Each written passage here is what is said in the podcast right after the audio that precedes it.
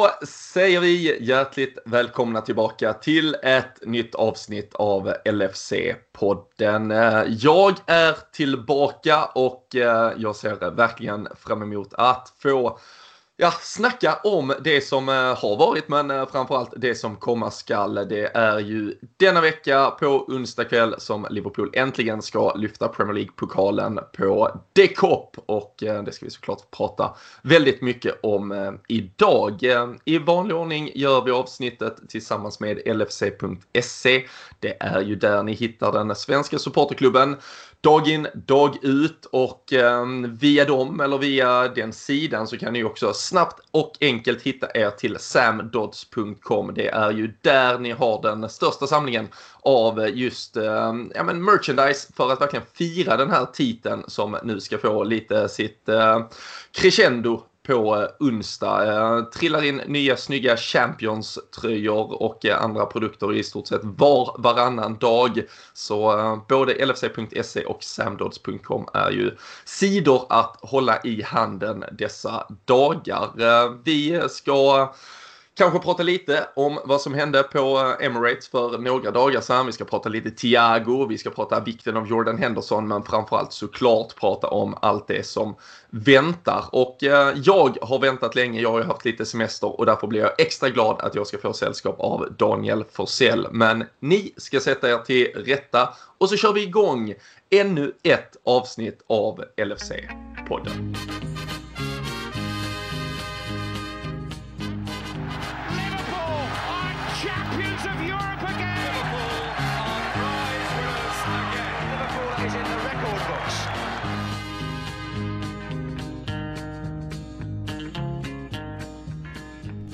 Jajamensan Daniel Forsell.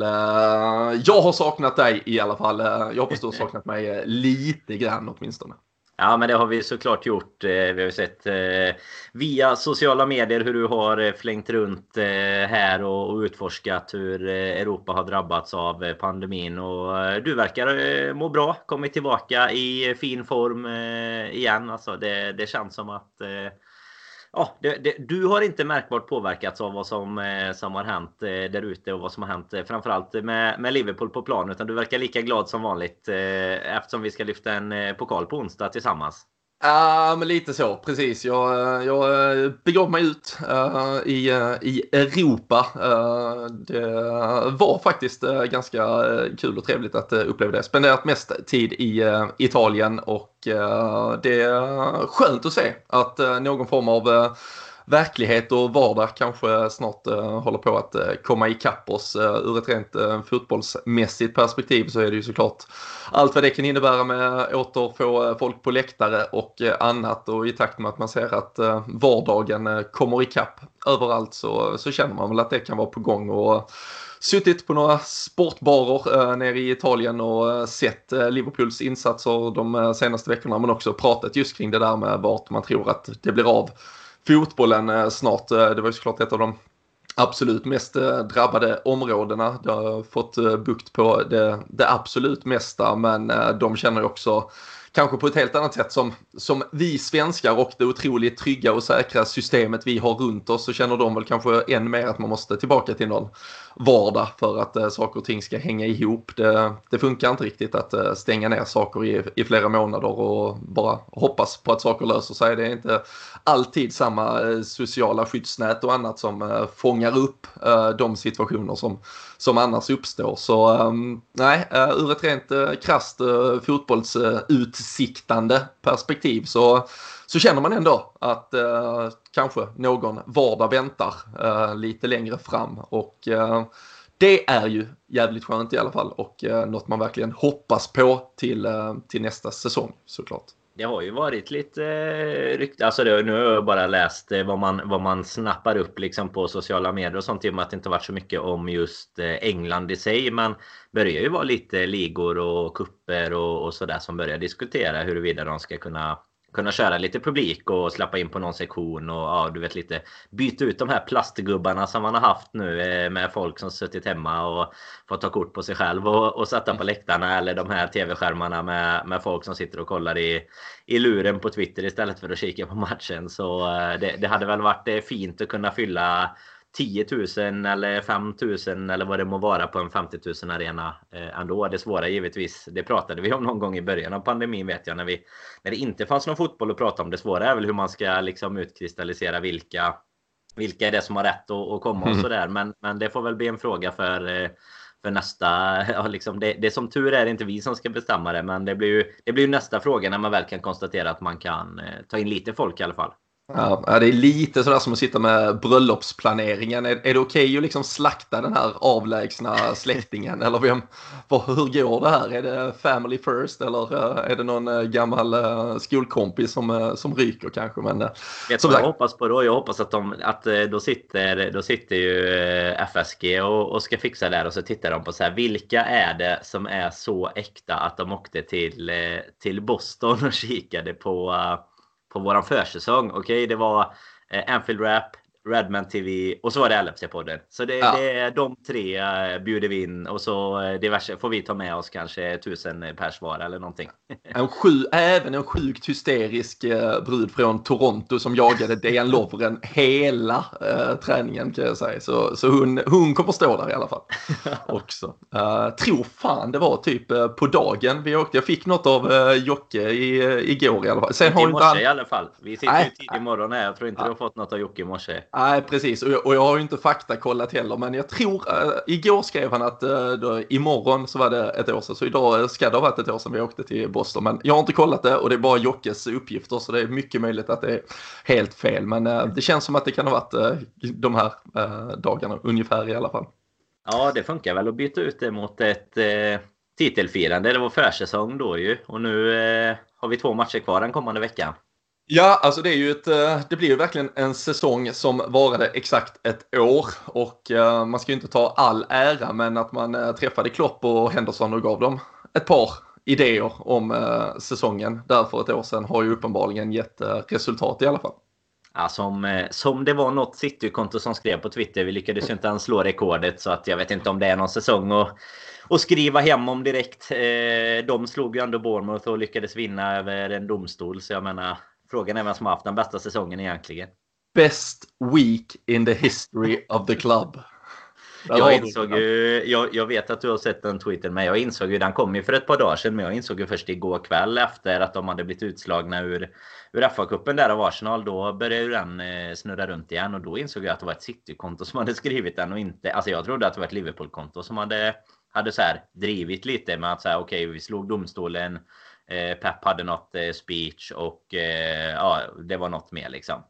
Och vi, vi har... länk, länkade till bra spelare var med Ja, också. just det. Länkade till bra spelare och haters triggered. Alltså de hade lyckats få oss Liverpool-fans och United-fans att bli lite upprörda. Och det var best week in this football clubs history. Så att eh, det säger väl någonting om historielösheten och eh, det här eh, det, det, känns ju verkligen som att nu, nu går vi på ett litet sidospår här, men det, det har vi väl tid med idag tror jag. Eftersom vi, inte, vi vill ju inte snacka, vi vill inte snacka vad som hände i matchen sist. Så, eh, det, det jag skulle säga med City, det känns som att det är så många eh, framförallt brittiska då eftersom det väl är där de, de flesta City-supportrar är. Känns som de, det inte är så spritt i världen än i alla fall och då att de liksom söker någon sorts konkurrens och rivalitet med både, alltså United har de ju den naturligt med eh, i och med eh, att de är från Manchester båda två. Men med Liverpool nu då bara för att vi är de, de två kanske bästa klubbarna för tillfället och de senaste åren och förhoppningsvis de kommande åren med kanske. Eh, då känns det som att de hela tiden försöker bygga upp någonting som inte riktigt finns. Så att det, liksom, det är som när du kastar någonting på, på liksom, eh, försöker kasta på någon men så är det en vägg eller något emellan så det bara rinner av. För det känns som att Liverpool-fans tar ju inte så mycket åt sig av att det kommer någon liksom liten eh, City-lillebrorsa och försöker liksom poke with a stick eller någonting. Det, ja, men det, var, alltså, nej, men det var ju som efter de här Champions League-mötena när de försökte måla upp oss som mördare för att vi hade kastat en flaska Kopparbergs på deras buss. Liksom. Alltså, det var så här, men det där händer ju hela tiden. Alltså, ja. så här, och ni hade, alltså, de kunde bli typ rökskadade av någon uh, så här, eld utanför. Ja, Och man liksom bara, alltså är ni på allvar? Alltså är det här första gången ni spelar en en lite intensiv match med lite någon jävla uppbyggnad runt omkring det. Och, nej, alltså, det var det kanske. ja, det var ju antagligen det. Och liksom, ja, men jag vet liksom, så, liksom, året efter man möter dem i Premier League, liksom, nu ska vi ha revansch för att ni kastade en flaska cider på oss. Vad fan pratar ni? Alltså sluta nu. Lite svenskkoppling där också är fint. Lite kopplar ja, på, på ja, fin eh, exponering. Ja, precis. Det får bli en uh, faktura till, till Marknadsavdelningen, så uh, blanka aktier för fan. Men uh, nej, det, nej, men det är kul ändå. Det är jävla härlig tvåstegsraket du bjöd på. För jag tror faktiskt jag såg den där City-tweeten från, från dig först för ett par dagar sedan. Och du hade likat den. Sen vaknade jag här söndag morgon så hade du ytterligare liksom snappat upp den igår och tagit den nästa varv. Så skönt att se att tankeverksamheten i Borås liksom jobbar dygnet runt. och tar, tar in allt och uh, bearbetar det och skapar nya saker av Nej. allt. Det, det, ska de ha. Det ska de ja. ha. Lite, lite skit ska man ha. Det var även någon, eh, jag, jag, det var en av grabbarna i Apple Rap där som skrev någon eh, vidare om någon annan tweet också där de har skrivit att Liverpool eh, eh, sket i kupperna för att vinna Premier League och så lyckades de inte ens slå vårt poängrekord. Och det blir också hela så här, men kontantan av, av den tweeten om man säger så, det var ju ändå att Liverpool sket i kupperna för att vinna Premier League. Och eh, vi ska ju prata om vad som hände på onsdag. Så att eh, vi kan konstatera att det gick ganska bra att strunta i kupperna ändå. Kan ja. City stå där med sin Carabao Cup och dricka energidryck i hela jäkla sommaren här om de vill. Om man nu får en, en platta Carabao på köpet när man vinner den kanske. Precis. Och det var väl kanske första gången eh, någonsin i en inhemsk eh, cup som eh, City igår mötte ett lag som i alla fall spelade typ i Premier League. Och, och då åkte de djur. Så ja, det har ju varit faktiskt. tre år med möten mot Stevenage och Wycombe och, och lite annat. Så nej, vi lider med dem. däremot kanske, på tal om Wycombe, så kan vi skicka lite kärlek till Adebayo Akinfenwa han firade gott i veckan där. Han har haft the best week of his life i alla fall. Det kan, vi, det kan vi ge en kille som har haft uh, sin bästa vecka. Nu ska han, uh, eller inte nu, men när det väl blir dags för en parad och, och allt är safe och säkert. Då ska han fasen sitta där uppe med Klopp. han kommer se ut som en, en så här Klopps pappa. Han är så jäkla brutalt stor. Tar väl 180 bänkpress har väl Holmgren ett par gånger när vi mötte han i, i Wimbledon var det va? Så, så nej, det kommer bli fint. Han har, han har nog eh, han har firat lite i veckan kan jag tänka mig. Det kan vi prata om det blir någon sån här bakfylla på uh, om de nu har någon match kvar. Uh, jo, de har väl en, Nej, men det var väl nej, det var ju faktiskt. Det, det var, var väl en ju upp, precis. Jajamän, ja. så de har haft, de har haft råd att och, uh, ta de bakfyllorna här. Ja. Jajamän. Ja, ja, verkligen. Man vill ju gärna säga att han kanske kommer bära bussen genom Liverpool. han bär hela laget bara på en på en sån här stor jäkla platta bara. Ja, någon form av piedestalaktigt. Ja, det, ja, ni hör, eh, vi, vi är glada att, eh, eller jag är glad att vara tillbaka. LFC-podden har ju verkligen eh, rullat på genom allt matchande här och vi har en riktigt jävla stark avslutning som väntar den närmsta veckan.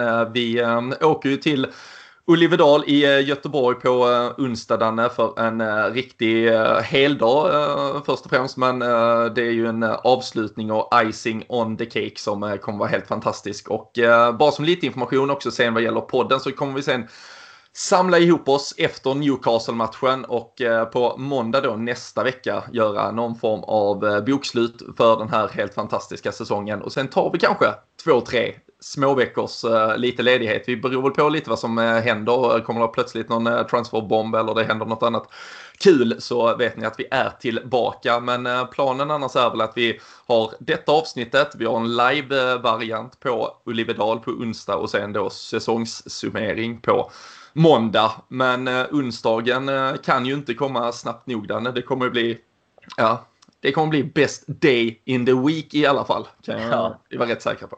Ja, men det kan vi vara rätt säkra på. Det ska bli eh, jäkligt kul. Vi har ju, vi har ju kört på Oliverdal innan och ehm, det är både gött häng, bra ställe och kröna det med då en eh, livepodd eh, samtidigt som vi ska lyfta bucklan för första gången på 30 år. Det, det, kan, bli, det kan bli gött. Så mycket kan vi väl konstatera. Ja, verkligen jävligt kul att se. Det är ju det är ju märkliga tider vad gäller sånt här och vi hade ju planerat eh, för att eh, kunna ha något på Ulrivedal redan eh, tillbaks i mars när vi började känna vart saker och ting barkade. Då hade det kanske kunnat vara i ännu större format och, och lite mer folk och lite annorlunda. Men att vi ändå med de riktlinjer och restriktioner finns kommer kunna samla ihop en, en 80 pers ungefär.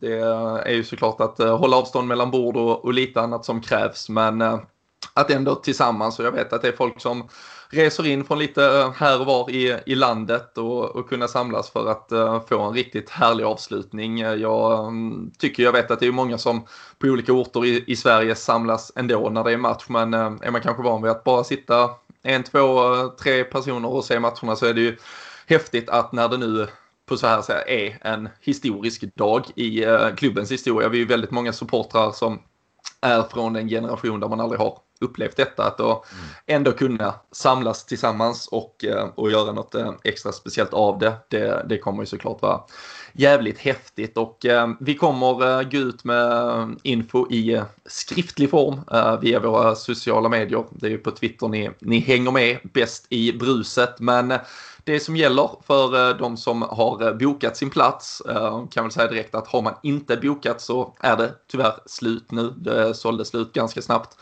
det är ju att dörrarna öppnar för träffen 19.00. Eh, Oliver Dahl öppnar eventuellt lite eh, tidigare, då kan man få vara på plats ifall man vill det, men eh, 19.00 måste man så att säga checka in sig i dörren. Och sen klockan uh, åtta så kör vi livepodd och käk. Det ingick i biljettpriset så då bjuds det på käk och en dryck. Och sen så kollar vi ju matchen tillsammans. Och framförallt så fortsätter ju ja, men kvällen och eh, förhoppningsvis festligheterna även efteråt. Och vi ser ju såklart hela eh, pokalceremonin och eh, allting på plats där så man behöver inte tänka att det finns någon eh, speciell eh, tid att förhålla sig till. Eh, vi ska få se Jordan Henderson steppa på platsen och eh, Kenny Dalglish och lite andra härligheter involveras i det där. Det verkar vara en jag har bara sett eh, sådana här jävla lådor med pyro i alla fall skövlas upp eh, på Decop. Eh, ja, smokebombs och annat brukar vara förbjudet men det känns som att det kommer brinna en del på Decop på onsdag. Ja, den här gången finns det inga vakter som, eh, som går runt och eh, ser till att, eh, att spelarna ska sätta sig ner i alla fall som de brukar göra om man själv råkar stå upp ett litet slag på, eh, på arenan. Det fick man dela ut en känga till dem också här så här fint nu när man ändå inte får vara på plats. Men som du säger med Oliverdal är det ju extremt kul att vi kan göra någonting tillsammans under de förutsättningar som finns. Vi hade ju en, eh, en fantastisk vår planerad med både, både att kunna träffa folk på plats och, och kunna göra saker där hemma, precis som du var inne på. Nu blir det inte riktigt som man hade tänkt sig. Vi kommer ändå få vinna ligan och eh, ja, då, då får man göra det bästa av situationen. Sen eh, all respekt att det finns folk som tycker att eh, man inte ska träffas överhuvudtaget. Men eh, givetvis som du är inne på så förhåller vi oss till de restriktioner som finns och eh, jag tror att alla som kommer dit kommer tycka att det blir ja, men en fantastisk jäkla kväll helt enkelt. Det ska bli jäkligt kul att träffa folk med. Man träffar ju inte folk i övrigt lika, lika frekvent nu heller de här tiderna. Så, så det ska bli kul att, att få komma ner till Göteborg och ja, men träffa likasinnade helt enkelt. Jag tror inte, jag försökte precis fundera på om jag har varit på, på någon sån eh, gathering som du pratade om. Den ni hade ju en vet jag nere i Malmö, men den brände mm. jag ju i och med att det var mitt i veckan. Eh, annars har jag nog inte haft något sen vi eh, Sen vi körde sist, vi hade ju en i början på året nere i Malmö innan allt det här eh, bröt ut då mot Spurs där. Så att eh, mm. det ska bli riktigt kul och och få eh, surra lite Liverpool igen som ligamästare med en pokal i, i skåpet också.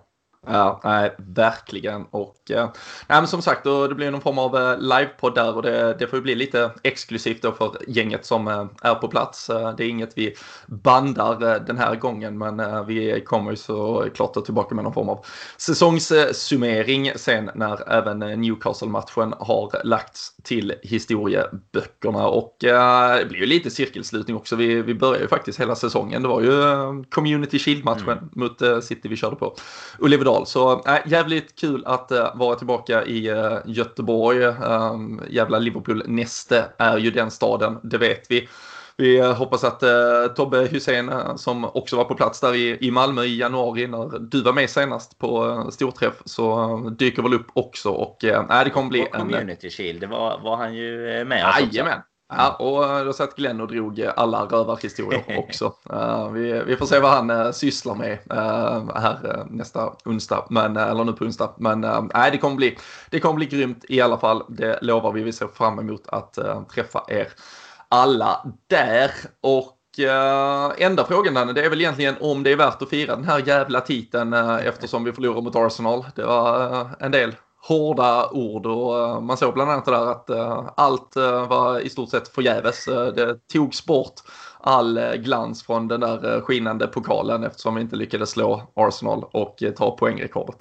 Ja, absolut. Det där är ju baksidan kan jag tycka med sociala medier. Man har dem och tackar för mycket, mycket roliga diskussioner och sådär. Men man får ju även se de här tweetsen som kommer i stundens hetta om man ska säga så. Det eh, var ju både efter eh, Burnley-matchen. Jag och Fredrik Eidefors satt ju och pratade om den här eh, nu eh, sist. Och det var ju lite samma sak där. Eh, man eh, kunde egentligen eh, se att folk tyckte att det var det värsta som har eh, presterats på en fotbollsplan ungefär och att vi sjaskar bort ett poängrekord. Och, och det var ju precis samma nu då för vi, vi hade ju fortfarande chansen att ta ner det rekordet.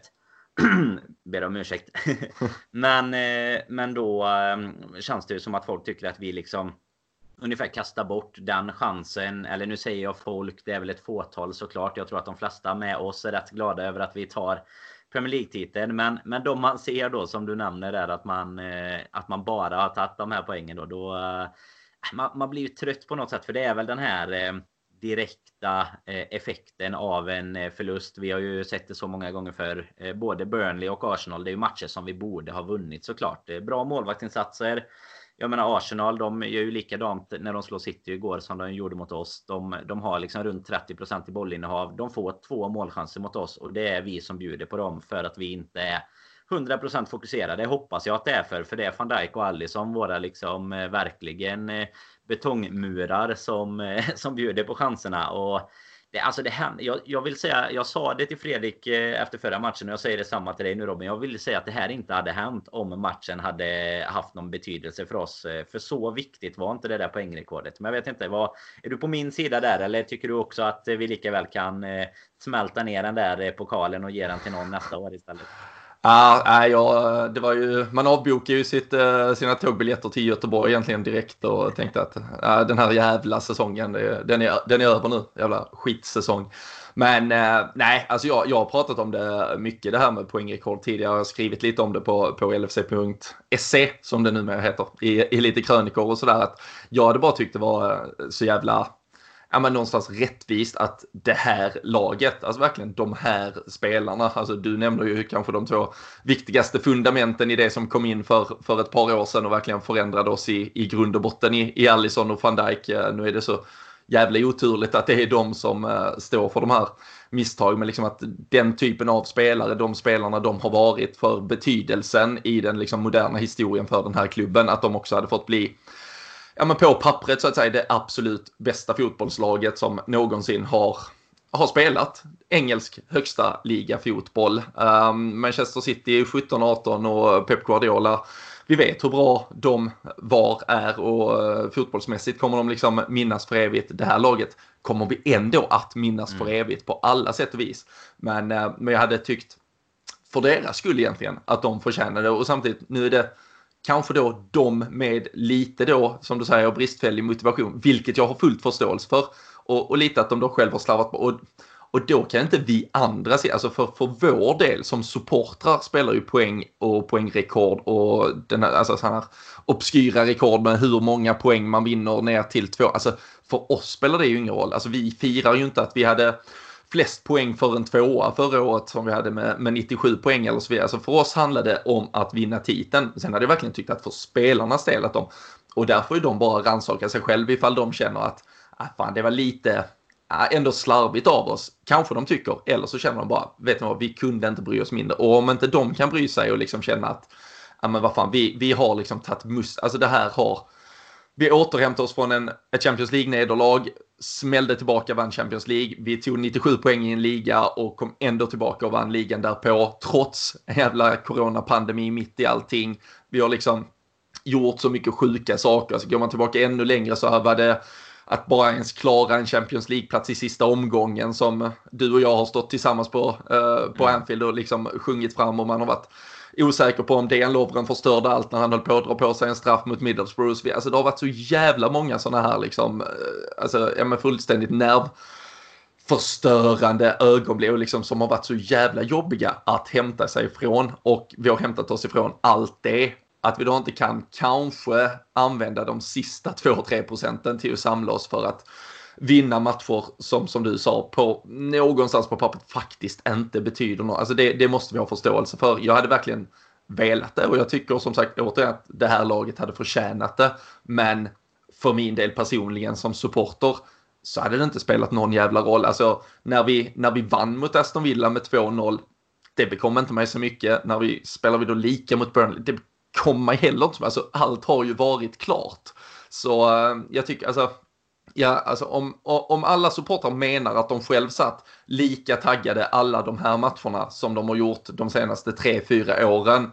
Då, då kan man sitta och vara lite, lite, lite bitter och upprörd. Men har du själv slått av 2% på ditt supporterskap, vilket jag är helt övertygad om att alla har i form av nervositet, i form av liksom uppladdning i form av liksom jävlar vad den här matchen betyder. Eh, då måste vi också ha förståelse för att det såklart är så det är för alla som på något sätt är människor och inte robotar. Och mm, det blir, ja. Och så precis som du säger, alltså återigen, det var van Dijk och Allison som stod för misstagen. Denna, alltså, det, det kan ju inte bli tydligare än att det, även än att det är liksom en engångsföreteelse som, som vi inte kommer få se när det återigen är 110% fokus.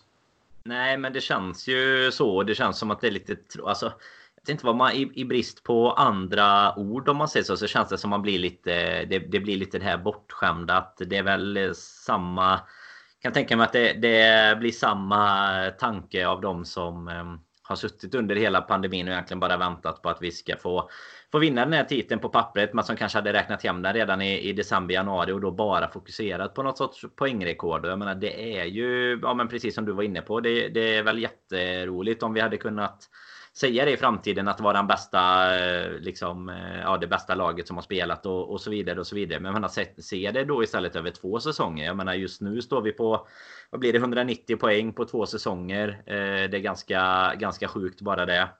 Vi har fortfarande chansen att ta sex poäng till.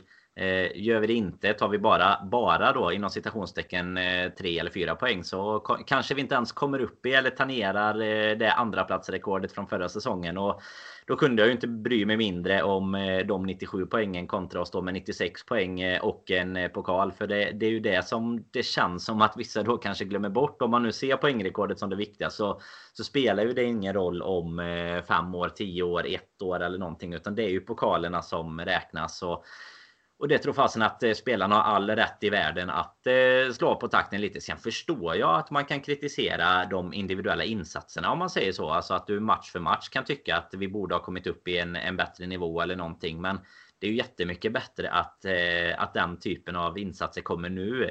Och jag tror inte i ärlighetens namn att det kommer påverka hur vi men hur vi tar oss an nästa säsong eh, och så vidare heller. Utan jag tror att eh, man märker ju på Klopp att han är märkbart irriterad när, eh, när vi förlorar och, och gör misstag. Så att jag tror att han kommer vara ganska tydlig mot sina spelare också. Att, att det faktiskt kommer vara viktigt att, att ta tag i sig själva nästa säsong igen. Och det tror jag utan tvekan att de, att de kommer lösa också. Men bra liknelse av dig där tycker jag. Att om vi, om vi själva kan tänka oss att slappna av lite och tycka att det är klart så kan vi väl låta spelarna också göra det. Och så kommer vi vara lika taggade inför nästa säsong och de kommer vara lika taggade. Så jag skulle inte vara särskilt orolig och, och tycker ju att det blir lite synd om det nu verkligen är så att någon känner att så här, nej, det här tog det tog udden av att vi vann vår första titel på 30 år. Alltså då tycker jag ju mer synd om den personen om jag ska vara ärlig. Nu får man jättegärna sätta igång en fight med mig på Twitter för jag känner kanske kan provocera någon men Alltså det är ju det är extremt synd om du känner så här att nej, nu vann vi första gången på 30 år, men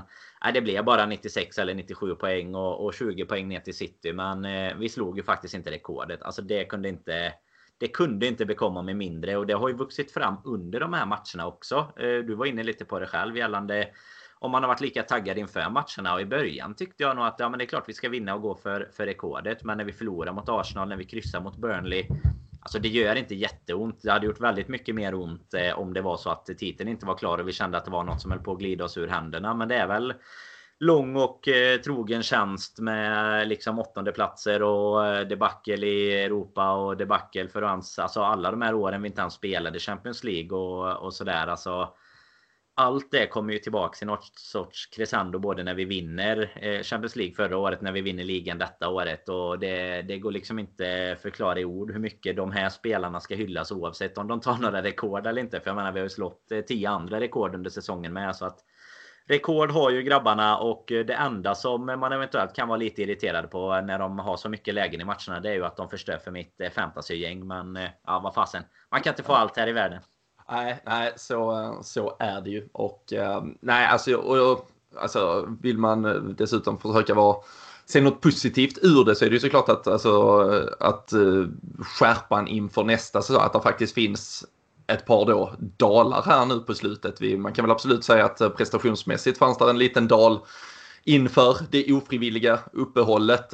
Nu kan man väl egentligen säga att prestationerna egentligen både mot Burnley och Arsenal ger ju med kanske då 2% skärpa ger det ju egentligen eh, 4-0 segrar i stort sett. Alltså det, det var ju utklassning eh, spelmässigt men där vi där vi då kanske mentalt är lite, lite mindre eh, skärpta och fokuserade än, än motståndarna, vilket ger utslag i, i båda ändarna av, eh, av planen med lite då försvarsmissar och att man kanske inte har den absoluta skärpan längst fram och, eh, och det finns ju då kanske något positivt i att kunna peka på inför nästa säsong att uh, vi, vi såg hur lätt det kunde gå när vi var de här ja, men, mentality monsters och uh, liksom vi, vi kan ta oss förbi allt ifall vi är de som liksom uh, pressar ur den sista procenten jämfört med, med motståndarna. Men direkt vi, vi tappar det då, då kommer vi också kunna förlora så det kommer ju gälla att vi håller den, den extremt höga nivån som vi gjorde och uh, var ju faktiskt en gammal poddkollega här eh, till oss, Robin Fredriksson som var med när vi pratade och sa, han skrev liksom, alltså egentligen tittar vi över hela den här säsongen så finns det ju kanske 20 matcher där det har vägt vem som faktiskt ska få den där sista mm. poängen och i, istället så har vi ju 17-18 av dem eh, och framförallt då 17-18 av de första tagit just alla poängen och eh, aldrig behövt liksom nöja oss med ett kryss eller eh, se oss eh, inte komma och klara av att vända och så vidare. Så nej, det var väl kanske vår, vårt, alltså lite vår tur nu också, bara rent eh, tidsmässigt. Alltså, till slut går lite andan ur en och eh, nu, eh, nu får vi acceptera några, några poängtapp. Eh, även om jag verkligen hoppas att eh, med allt det som väntar på, på onsdag och hur avslutningen och, och firandet att man även resultatmässigt kanske kan hitta då en extra tagg för att verkligen gå, gå ut på topp. Det, det är ju mot ett Chelsea som eh, jagar Champions League och det Lite svår situation, vi kan väl prata om den lite längre fram med, med tanke på att uh, slår vi Chelsea så kanske vi spelar Champions League-platsen till Manchester United och, och lite annat. Uh, vi kan återkomma till det, men uh, det man kan konstatera Danne från de här då senaste matcherna och faktiskt även precis innan uppehållet, det är ändå vikten av lagkapten Jordan Henderson. Han har spelat 30 ligamatcher den här säsongen. Han har missat sex stycken. Vi har tappat Åtta poäng på eh, de sex han eh, har varit borta. Vi tappade bara sju poäng på de eh, 30 han eh, var med. Ehm, är det en överanalys redan att eh, ändå titta på vikten och betydelsen av vår lagkapten? Ehm, är det bara att vi har slått av på tempot generellt eller ehm, är det också kanske en bidragande orsak ändå att han inte finns där och driver på de sista procenten? Ja, men alltså både ja och nej där egentligen. För att det, det är absolut en faktor att, eh, att det sker just nu det här efter uppehållet om man säger så. Eh, de eh, matcherna vet jag inte om det, det hade varit eh, det här sista lilla. Sen är det ju möjligt att med han på planen så kanske vi också hade drivit på de här sista få procenten. Man, man vet ju aldrig. Men eh, just innan uppehållet när det finns eh, liknande statistik därifrån om man säger så. så har ju, alltså det är ju ingen som eh, tvekar på att han har visat sin betydelse eh, för Liverpool. Alltså det trodde man ju inte för för 8, 8, 7, 6 år sedan, 5 år sedan. Alltså man, man har inte trott det under de här åren att Jordan Henderson riktigt ska växa ut till den kapten han nu faktiskt växt ut till under eh, Klopp, framförallt de sista åren då. Så betydelsen som sagt både, både ja och nej. Alltså jag tror att de, de sista matcherna kanske inte det eh, hade gjort eh, det allra sista för att han också hade kanske slått av lite på den takten. Men, men jag tror ändå att hans betydelse inte går att underskatta när du drar fram den statistiken som du säger är att jag förlorat eh, fler poäng på de sex matcherna missat den på de 30 han har varit med. Då, det säger ju ändå ganska mycket och jag menar att det finns en anledning till att han är med i diskussionen om att bli player of the year och många fotbollsvetare, journalister, inte motståndarfans såklart, eh, lyfter ju honom till skyarna. Eh, för, alltså helt rättmätigt också för det är en helt annan spelare och det är nästan svårt att, att ta till sig att han liksom är Alltså det kommer vara svårt att ta till sig att han är en av de största kaptenerna i klubbens historia när han lyfter pokalen på onsdag. Jag menar både Champions League och, och Premier League. Eh, alltså det, det, är inte många som har gjort det. Och eh, han ska få, eller han och alla andra ska få ta emot lite medaljer och så vidare av Canada Glish. Och nej, det blir, det blir en, en speciell kväll minst sagt. Mm. Och, jag vet inte vad du själv känner om, om Hendersons eh, inte vara eller icke vara. Det har vi väl. Eh, det, det, så långt kan vi konstatera att han ja. inte ska ryka. Men eh, just vad tycker du om de här? Ja, tror du att det hade sett annorlunda ut eh, de här matcherna till exempel om han varit på plan? Nej men alltså där finns ju nu, alltså tittar vi på de här sex matcherna han, han har varit borta, vi, vi har inte hållit en enda nolla uh, de här sex matcherna. Uh, jag var faktiskt, han var bänkad så att säga en gång i höstas, jag var på plats hos oss, då vann vi med 3-1 mot uh, Newcastle där spelade vi faktiskt jävligt dåligt stund och sen hade Firmino hade nog eh, sin absolut bästa match, i alla fall på Anfield där han har haft det lite tufft. Eh, där var han helt fantastisk, några sjuka framspelningar till, till Salah och, och, och, lite annat. Men spelmässigt så, så hackade en del där och sen missade han ju tre matcher precis innan uppehållet. Med nöd och näppe slår vi West Ham med 3-2 och Bournemouth med 2-1 men så kom ju den här brakförlusten mot Watford och sen har ju missat de två senaste här nu också uh, mot uh, Burnley då 1-1 och Arsenal 2-1 eh, förlust. Och, uh, alltså det är, vad finns det? Det är lögner och så är det för, förbannade lögner och så finns det statistik i stort sett. Men mm. samtidigt ljuger den när det, när det är så, så uppenbart. Jag vet inte.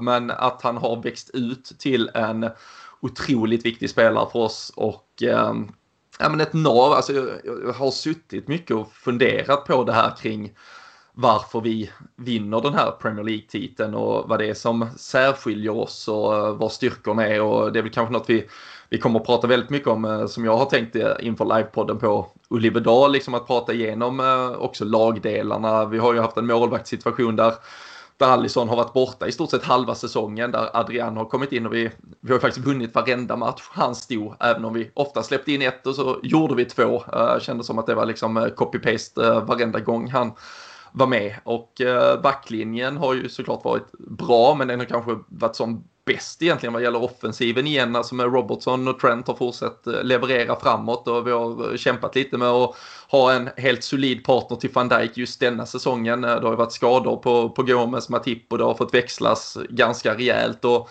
och anfallarna kan man väl tycka framförallt med Firmino att han då inte riktigt har kommit upp i, i sin klass vad gäller att i alla fall bidra eh, poängmässigt offensivt. Och Salah och Mané känner man alltid att de har både två, och tre och fyra mål till i sig. Det är liksom inte alltid de får ut eh, absoluta max även om de håller så otroligt jävla hög nivå. Och, mitt, eh, det landar ofta i att liksom Jordan Henderson och helheten Liverpool har varit den här säsongen är det som gör att vi vinner den här titeln. Och det behöver liksom inte analyseras ner i ifall det är det som betyder att vi då har tappat några poäng här och där med att hans frånvaro har varit ett faktum. Men men ju mer man tänker på det, ju mer man tittar på det så tycker jag i alla fall att det blir också självklart att han är Player of the Year i Liverpool och såklart i hela ligan. Och eh, du kan säkert titta på det 5 och 10 och 15 fotbollsspelare som kan hålla en högre teknisk nivå eller eh, ha en briljans i eh, och en edge i liksom en lagdel. Men det, det arbete han har gjort, den, den helhet han har summerat och hur han faktiskt får symbolisera allt jag vill ska symboliseras med det här guldet, alltså hela vägen fram. Ehm, alltså fan hur vi, hur vi tog oss igenom de här jävla månaderna där vi knappt visste om det skulle spelas någon fotboll igen. Alltså det, det behöver, ska ju såklart egentligen inte vägas in i den prestationen vad gäller fotbollsspelaren, hur han betedde sig vid sidan av planen. Men det blir mer och mer utkristalliserat att han, att han måste uh, vara uh, säsongens bästa spelare och jag är övertygad om att hans kollegor i form av andra spelare och jag är helt övertygad om att journalisterna som också kommer att rösta kommer att rösta fram honom till eh, ligans absolut bästa. Och jag, äh, jag märker, jag får nästan gåshud när jag sitter och, och pratar om honom uh, den här säsongen. Det, det, är en jävla resa från när han skulle bytas mot Clint eh, Dempsey och skickas till Fulham.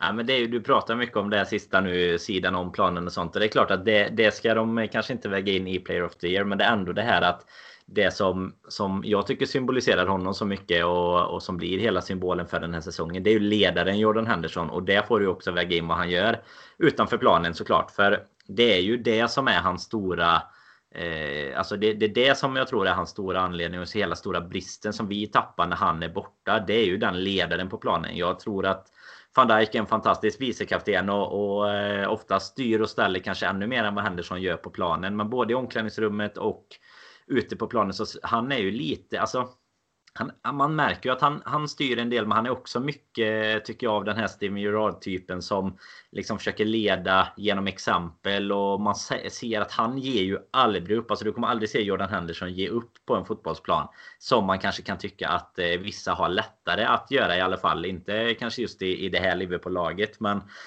det, det, finns väl några exempel även där, men i andra lag också. Och, eh, och där tycker jag att han eh, framförallt betonar sin vikt i att han hela tiden driver på. Eh, alltså det, det finns hela tiden en Alltså någon typ, alltså han har verkligen växt upp under sin Liverpool-karriär som du säger. Han var ju nära på att skulle bli bortbytt, det har vi pratat om många gånger. Men eh, han har liksom gått från att vara eh, den eh, killen som, eh, som bara kämpade och var lite nästan som vi pratade om med City i början. Den lille killen som försökte att poka sig in på mittfältet men som bara sen tog över liksom kanske lite för tidigt. Fick för mycket ansvar eftersom han blev kapten eller sådär. Alltså att många. Han hade ju verkligen fansen emot sig där kan man säga. Inte alla såklart men men det var ju inte det självklara valet som, som en kapten när man ska ersätta Steven Gerrard heller. Och så att han har växt ut på det sättet och eh, lite som du var inne på där gällande mittfältet så är det ju det som jag tror om vi skulle gå tillbaka och lyssna på de matcherna där vi har förlorat och där vi har tappat poäng så tycker ju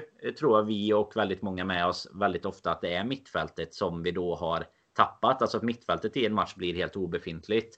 Och eh, där har ju såklart Jordan Andersson en, en stor roll att spela för med honom med en Fabinho han väl har kommit till, till rätta och, och liksom både leverera bakåt och framåt. Och så ytterligare en eh, parhäst till dem då. Om det nu är en, en Ini Wijnaldum, om det är en Naby Keita, om det är en Thiago. Vi ska ju eh, komma in lite kort på det mm. också. Vad det nu ska bli på mittfältet. Men det är ju ofta där tycker jag som vi kanske vinner och förlorar våra matcher. För vad våran backlinje ska göra, det vet vi. Vad våra anfallare ska göra, det vet vi. Målvakt lika så såklart. Men det är mittfältet tycker jag som vi hela tiden har någonstans ändå behövt diskutera lite. Okej, okay, vilken trio tycker vi ska spela där? För allt annat har egentligen alltid under Klopp nästan varit glasklart. Det är inte alltid under Klopp i och för sig. Inte om vi drar ut upp hans första elva från 2015. Men alltså de två, två sista åren i alla fall så har vi liksom vetat hur det ska se ut. Men det är ju mittfältets dynamik som hela tiden har varit kanske den här sista lilla pusselbiten som, som nu de sista åren har passat för att vi också ska kunna börja vinna pokaler, världsmästerskap, eh, Europacuper, allt möjligt helt enkelt. Ja. Nej, nej, verkligen. Och, ehm, och, och alltså det är ju det, det är egentligen helt jävla eh, fantastiskt. Alltså jag vet, det var ju exakt detta man för kanske tre fyra år sedan satt och diskuterade. Har verkligen Jordan Henderson ledaregenskaperna för att för att vara eh, Liverpool-kaptenen och eh, nu pratar man om eh, att vi nästan eh, ja, förfaller eh, utan hans ledaregenskaper. Det, men det, alltså det, är ju liksom, det, det är ju så fotboll eh, kan fungera. Det är väl det som är helt jävla fantastiskt med, med de resorna som görs. Det finns supertalanger som man tror ska erövra världen. Det, det blir ingenting. Det finns uppenbarligen spelare man tror kanske är ämnade för att spela i Fulham och istället så leder de en av ja, världshistoriens största fotbollsklubbar tillbaka till toppen och, och vinner absolut allting man kan vinna. Det, ehm, det är en en fantastisk resa och eh, jag tycker just på mittfältet att där, där, finns kanske inte heller någon annan som, som har li, alltså samma, alltså vi, vi kan prata, Gino Wijnaldum är ju en sån här typisk eh, stormatchspelare liksom där allt bara händer så, så kan han också vara helt briljant men att ta allting i egna händer och vara den som eh, dikterar spelet det, det är han kanske inte.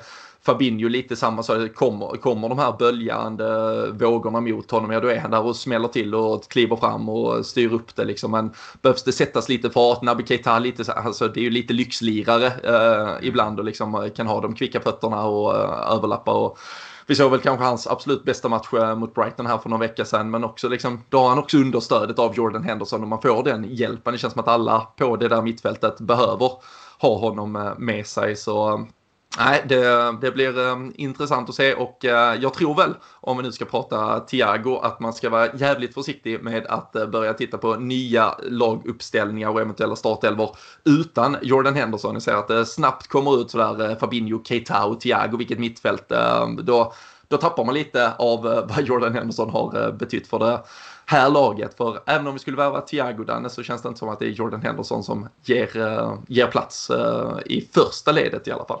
Nej, det tror inte jag heller. Utan det tror jag att det är Henderson, Fabinho och så är det ja, en sista eh, pusselbit där i så fall då. Och sen kommer det väl vara en konkurrens där säkert eh, det kan varvas eh, emellanåt.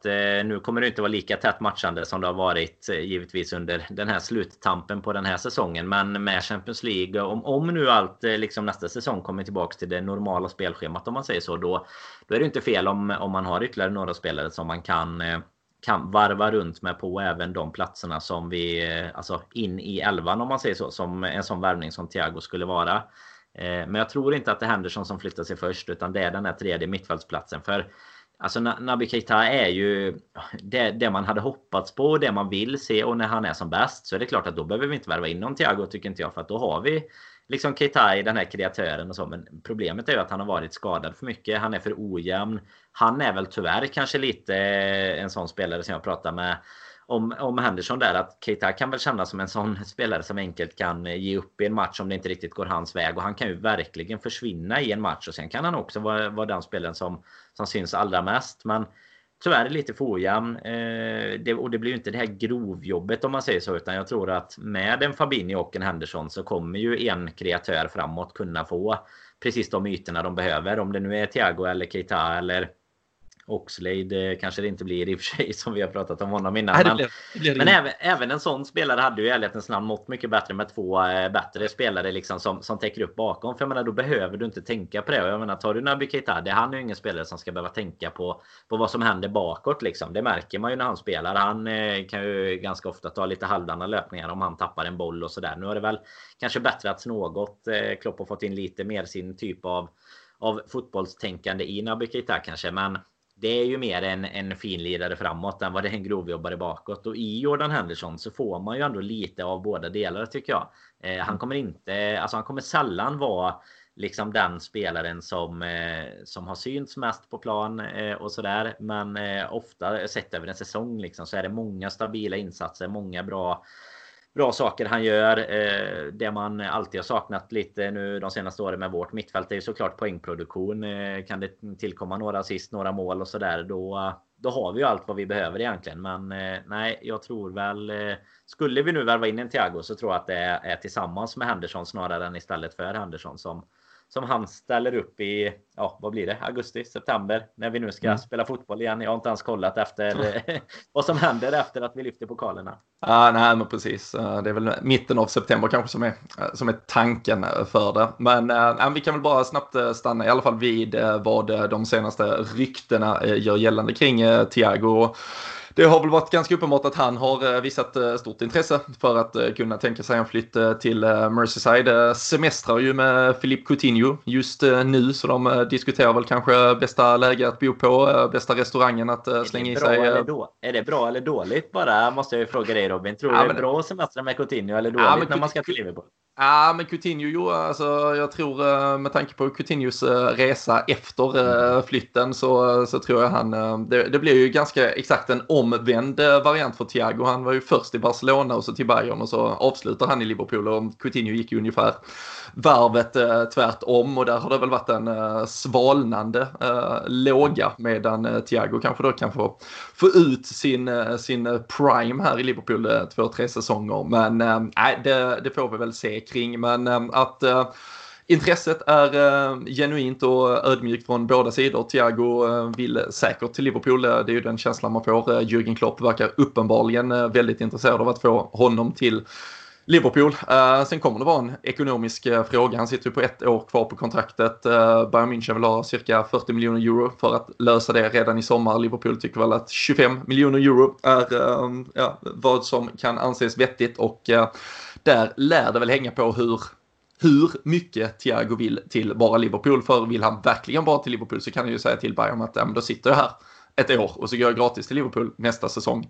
Ifall det är så att han kan tänka sig att få kontraktförslag för, från fem olika klubbar nästa säsong och eh, Bayern verkligen kan börja titta på många alternativ denna säsongen. Då är det ju såklart Liverpool som måste anpassa eh, den där prislappen. Men ehm, Ah, känslan. Vi, eh, vi har ju inte haft ett bra track record här uh, under våren när vi först uh, satt och uh, jobbade in uh, Timo Werner. Men uh, ska vi äntligen få en uh, Bundesliga-värvning så, så är det väl kanske, kanske nu den. För det har varit intensivt i alla fall vad gäller diskussionerna känns det Ja, och prismässigt om man ser mellan 25 och 40 då om vi ska, ska dra ett så, så är ju det nu även om han eh, givetvis att det blir på grund av att han sitter på ett kontrakt som ändå håller på att gå ut här om något år. Men eh, där är ju ändå kanske en prisnivå där, där vi i alla fall inte blir eh, bortskrämda av själva prislappen. Och sen så tycker jag väl att eh, en spelare som Thiago hade varit viktigare in i, i laget än vad en Timo Werner hade varit. Även om man givetvis sällan tackar nej till bra spelare. Men för att komplettera liksom Klopps ja, den taktiken vi vet att han kommer fortsätta vilja spela. Det är inte så att vi kommer, kommer revolutioneras en gång till om man säger så. Utan med de eh, framgångarna som, som vi krönt med det här spelsystemet och det sättet vi, vi spelar på. Och jag visst att man kan prata om i vissa enskilda matcher om att motståndare enkelt kan eh, manövrera bort oss för att man vet hur vi ska spela så är det ju faktiskt så att i de flesta matcherna så vet antagligen de flesta precis hur vi ska spela men det går fast inte att göra någonting åt det eh, ändå.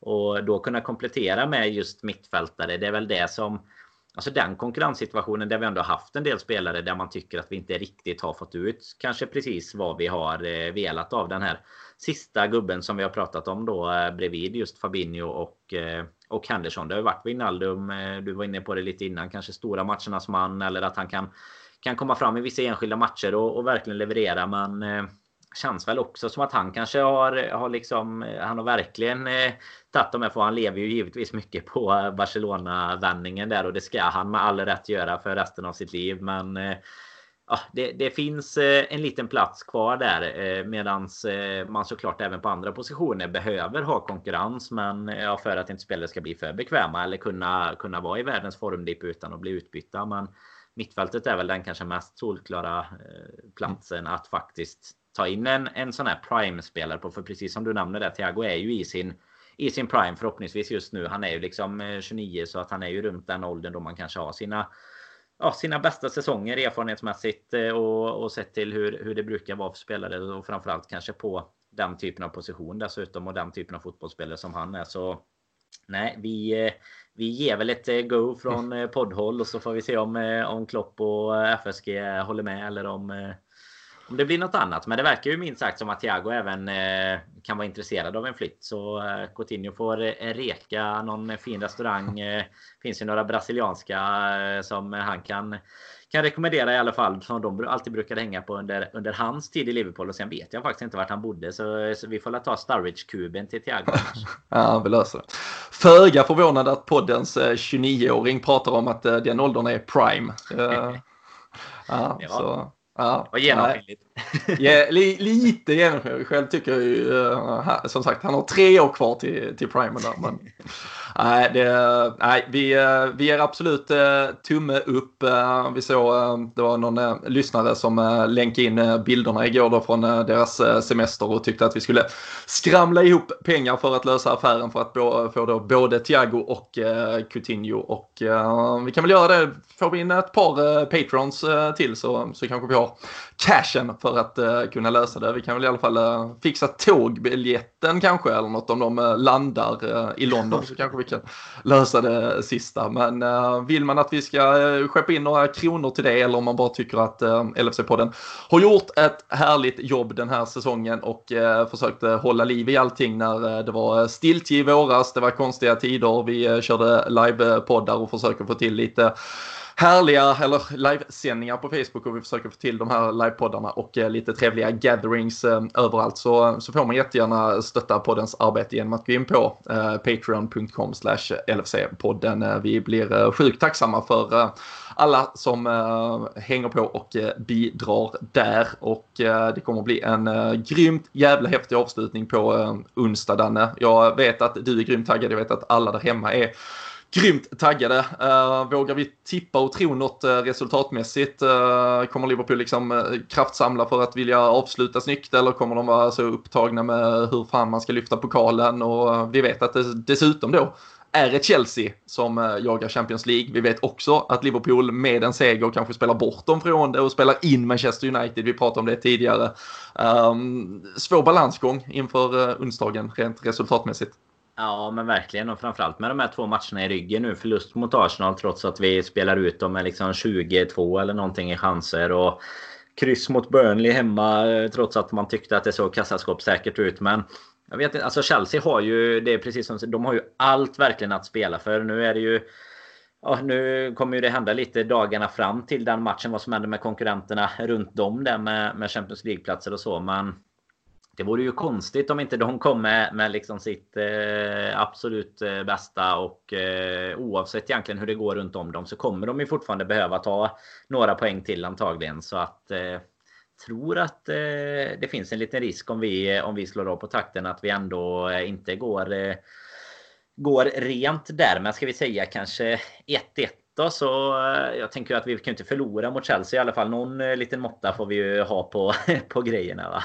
Ja, men lite så känns det. Samtidigt som sagt, liksom, kan det vara att vi spelar bort United från uh, Champions League och sen har vi ju lite att tacka Chelsea för att de slog City och, mm. och löste guldet uh, till oss. Så ska vi någonsin förlora mot Chelsea så är det väl på onsdag man ändå hade kunnat acceptera det ur den rent tabellmässiga eh, positionen. Men eh, jag hoppas verkligen ändå att vi får, alltså det, det, är något annat att få avsluta med en seger verkligen ha den segern med sig in mm. i, alltså just för att ja, men bygga känslan av att uh, vilket jävla lag vi är. så spela ut vårt register, visa vad vi kan och, och sen gå upp och ta emot den där pokalen från, uh, från Kenny och eh, liksom uh, verkligen ge spelarna chansen att uh, fira hela natten igen och så får de hellre vara bakfulla när de åker och spelar på St. James's till, på söndag. Liksom. Låt dem fira en gång till men uh, avsluta snyggt, ta pokalen uh, och uh, verkligen visa världen hur uh, jävla bra vi är.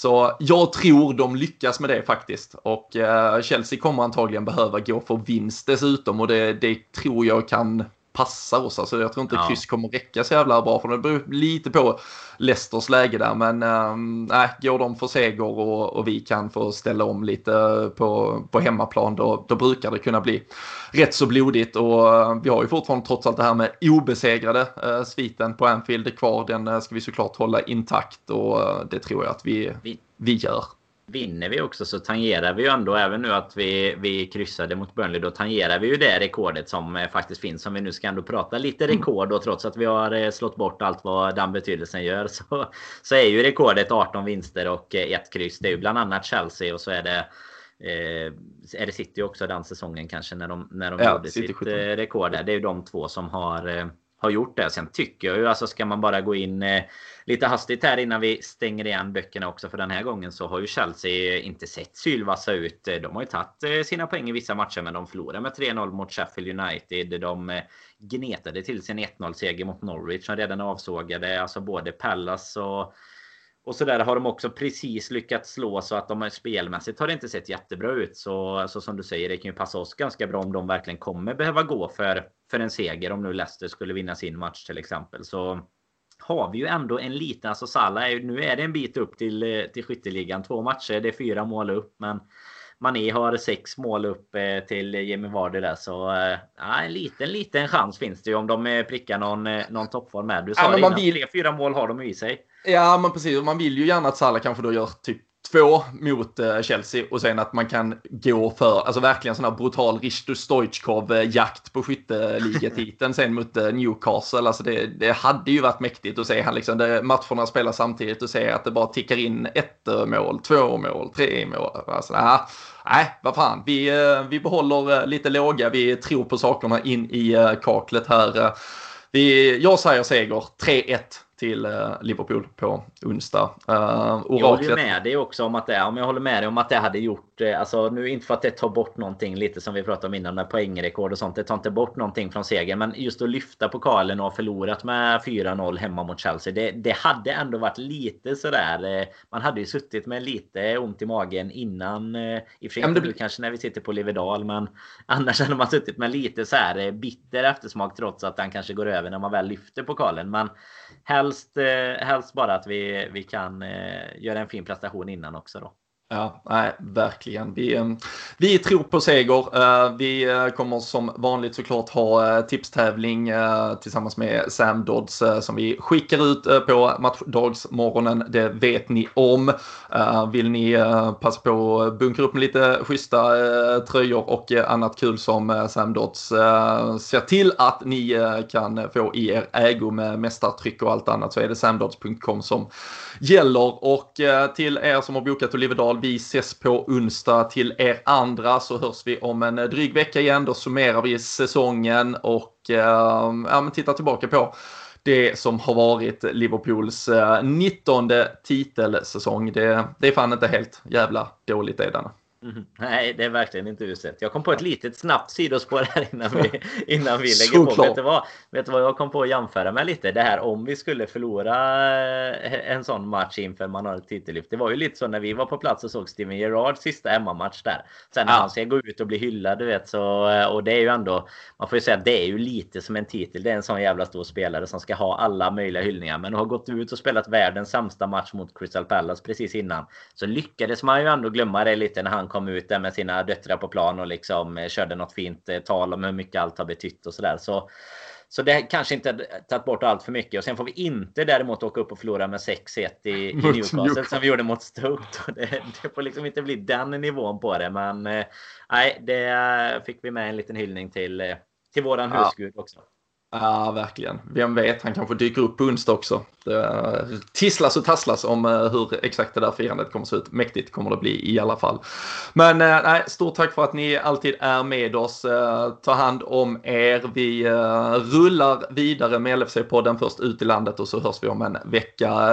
Tack för att ni lyssnar. Ha det fint så hörs vi snart igen.